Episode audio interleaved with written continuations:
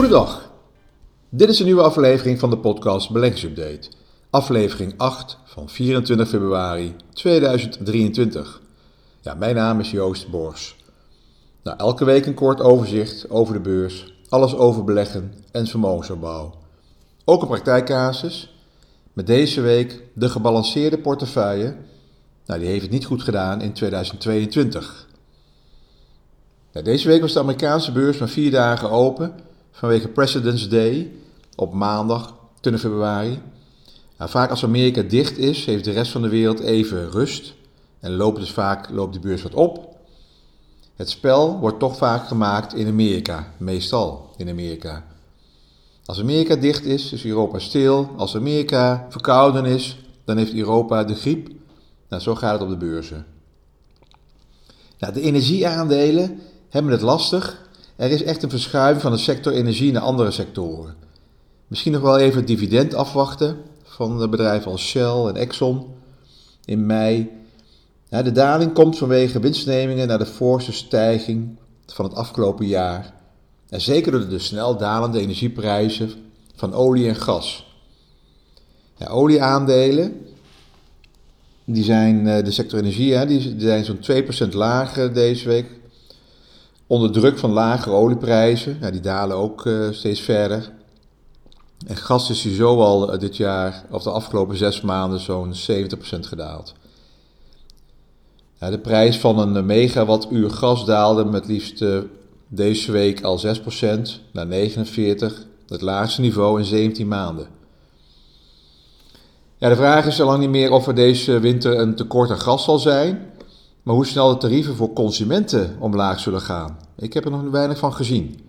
Er is nooit een energiecrisis geweest en de energieprijscrisis zal in dit tempo ook snel verzachten. Er is gewoon verkeerd ingekocht. In tijden dat die uh, gastekort uh, of gasboycott van Rusland werd aangekondigd, is er gewoon in paniek gekocht door allerlei partijen, overheden en energiebedrijven. Die hadden natuurlijk te weinig gascontracten afgesloten en moesten dus uh, in de stijgende gasprijs snel nog wat inkopen. Nou, dinsdagavond daalde Amerika uh, flink in uh, ja, toch wel die, die zorgen weer omtrent de stijgende rente. Nou, eind vorig jaar was die vrees voor een aanstaande recessie in Amerika nog, in combinatie met oplopende rente, een reden voor dramatisch verlopende decembermaand in Amerika en ook de rest van de wereld. Nu is het de dreiging van aanhoudende inflatie als gevolg van een sterke economie die angst voor beleggers zorgt. De angst voor een uh, nog hoger dan al ingeprijsde beleidsrente van de Amerikaanse centrale bank overheerst. Nou, de rente stijgt, hè, 10 jaar Amerikaanse rente staat weer zo rond de 4%. De rente stijgt dus naar het hoogste niveau sinds november Obligaties werden massaal uh, verkocht, waardoor de Amerikaanse tweejaarsrente, die steeg, dus die korte rente van twee jaar, die steeg al naar zo'n 4,7 procent. De tienjaarsrente steeg naar uh, bijna 4 procent. Is ook bijna het hoogste niveau sinds begin november. Daarmee is die rentedaling van januari uh, wel weer teniet gedaan. Hoge rentes drukken dan de waardering van aandelen. Dat hebben we vorig jaar ook al gezien. Nog steeds staat die korte rente boven de lange rente, dus tweejaars rente, heeft een hogere prijs dan de lange rente. Wat de theorie ook inhoudt dat er een uh, recessie nog een scenario uh, is. Hè? Het inflatierapport in Amerika over januari was niet zo erg als sommigen hadden gevreesd. Nog altijd is een grote groep beleggers die roept dat de markt te weinig renteverhoging heeft ingeprijsd en dat de inflatiecijfers een correctie moeten gaan inleiden. Weliswaar was het inflatiecijfer hoog en bevestigt het dat de centrale bank nog geen pauze kan inlassen in zijn monetair beleid. Maar hij was weinig schrikbarend aan het rapport. Nou, dit is eh, volgens de Rabobank. De Rabobank heeft eh, het volgende uh, genoemd. Aan de, aan de ene kant wijst het rapport niet zo eenduidig op dalende inflatie als de vorige drie maanden. Dat is uh, de productinflatie nam voor het eerst toe na drie maanden daling. Aangezien het jaarcijfer niet onder de 2% is, zal er van niemand wakker liggen. Het is duidelijk dat alle flexibele prijzen al lang niet meer toenemen. Ja, je hebt dus variabele inflatieprijzen zoals uh, gas en, en olie. Maar je hebt ook, uh, dat noemen ze dan sticky com componenten.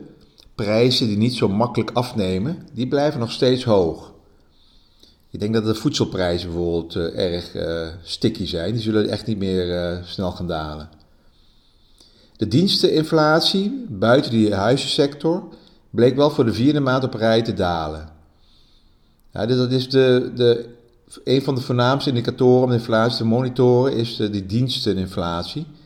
De productinflatie is immers gekeerd, die is al aan het dalen. De huizenmarkt is al duidelijk aan het afkoelen, zodat die niet langer zorgwekkend is als aanjager van inflatie.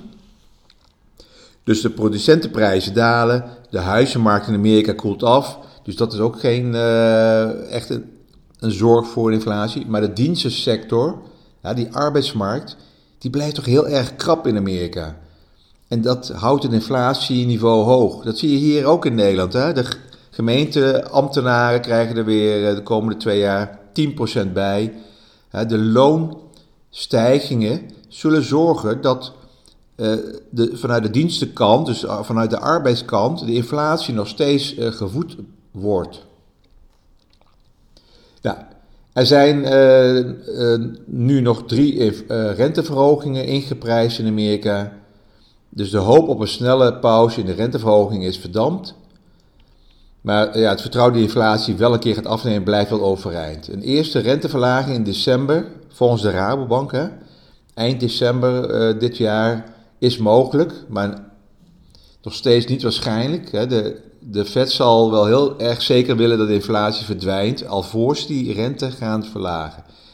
Dus er moet eigenlijk een stop komen op al die loonstijgingen. Want dat, dat zal uh, wel helpen in het bestrijden van inflatie. Oké, dus rente blijft voorlopig nog onzeker en stijgende. Vorig jaar zagen we dramatische rendementen voor obligaties. Naast ook al dalende aandelen. Dus allebei leggen de hoofd categorieën in je beleggingsportefeuille, aandelen, obligaties, waren allebei negatief. Heel veel beleggers hebben een neutraal of een gebalanceerd beleggingsprofiel bij banken en vermogensbeheerders of zelfstandig opgebouwd. Nou, in 2022 behaalden deze portefeuilles met een neutraal profiel negatieve rendementen tussen de min 11 tot min 17% Dat heb ik uh, verleden week of die week daarvoor ook al in mijn podcast gemeld. In de beleggingsleer en in de vele financiële boeken staat vaak het obligaties een portefeuille beschermen in volatiele tijden. Een soort veilige haven. Als aandelen sterk dalen vanwege de onrust ergens, dan blijven obligaties stabiel. Men verkoopt een aandeel en gaat dan in een veilige obligatie zitten. Nou, Morningstar schrijft hier ook een stukje over, een redactioneel stukje. Ja, obligaties boden in 2022 geen bescherming tegen een correctie in aandelen.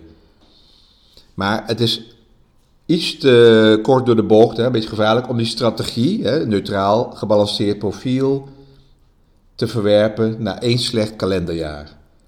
Dus ze noemen die de klassieke 60-40 beleggingsportefeuille dat is die uh, klassieke portefeuille tussen obliga aandelen en obligaties. Of 55, 45, 50, 50. Is die nou passé? Nee, natuurlijk niet. Het is één slecht kalenderjaar.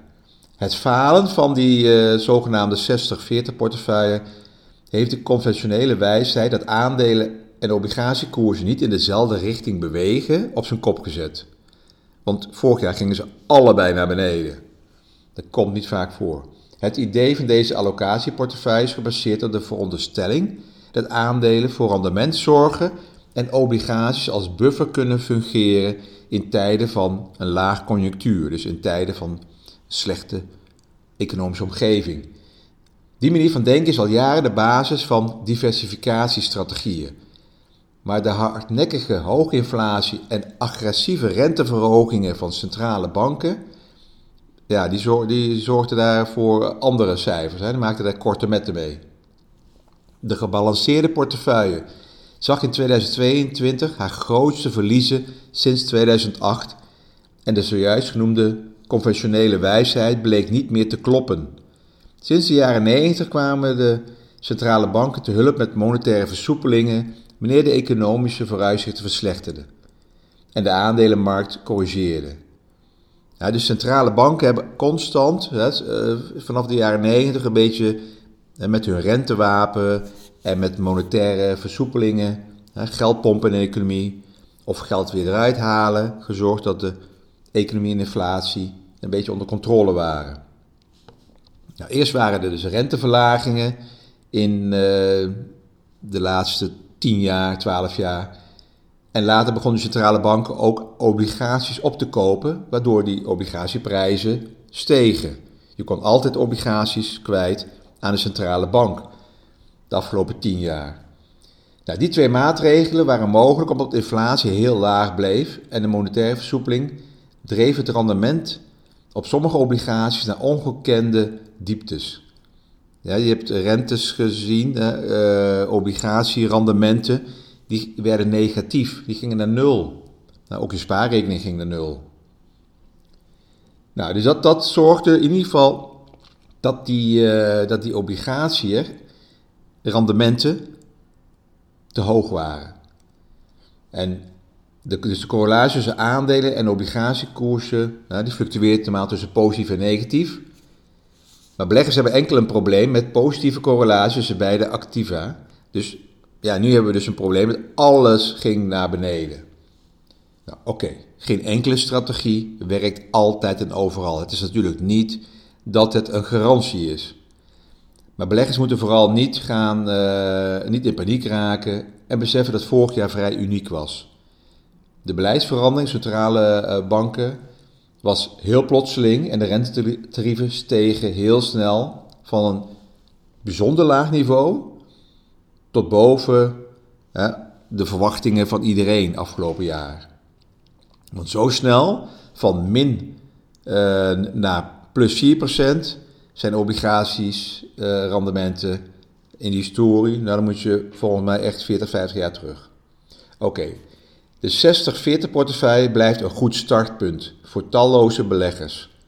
En vormt voor de meesten ook een prima eindhalte. Als je met pensioen gaat of je bent een startende belegger zonder ervaring, is het gewoon een prima startpunt.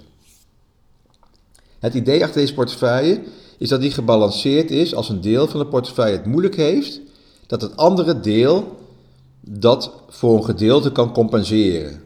Nou, ik sluit me daar grotendeels bij aan, maar meldde een paar weken geleden al dat obligaties een, eigenlijk een 10, 12 jaar lange periode veel te veel rendementen hebben opgeleverd. We zijn verwend geraakt dat obligaties altijd heel veel positiviteit bijdroeg bij je portefeuille. Ja, dus uh, obligaties hebben veel te veel rendementen hebben opgeleverd door de steeds verdere dalende rente vanaf 2008 tot 2021. Bij obligaties verwacht je een rendement normaal gesproken tussen de 2,5 tot 4% op jaarbasis. Maar vanaf 2010, 2008 waren er jaren met 10 tot 12% rendement op obligaties. Soms deden ze het beter dan aandelen.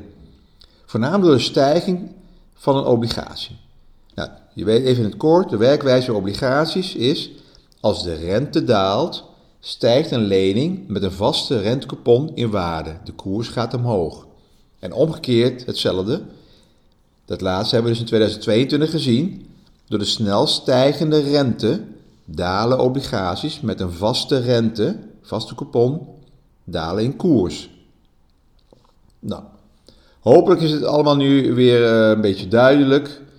En uh, een beetje proberen het uit te leggen. Obligaties zijn saai, maar het is wel een hele belangrijke activa, belangrijke beleggingscategorie. Nou, dank voor het luisteren. Altijd persoonlijke titel, geen direct beleggingsadvies. En op basis van openbare informatie neem contact op met je eigen adviseur en dan beleggekleefd risico's. Tot de volgende week.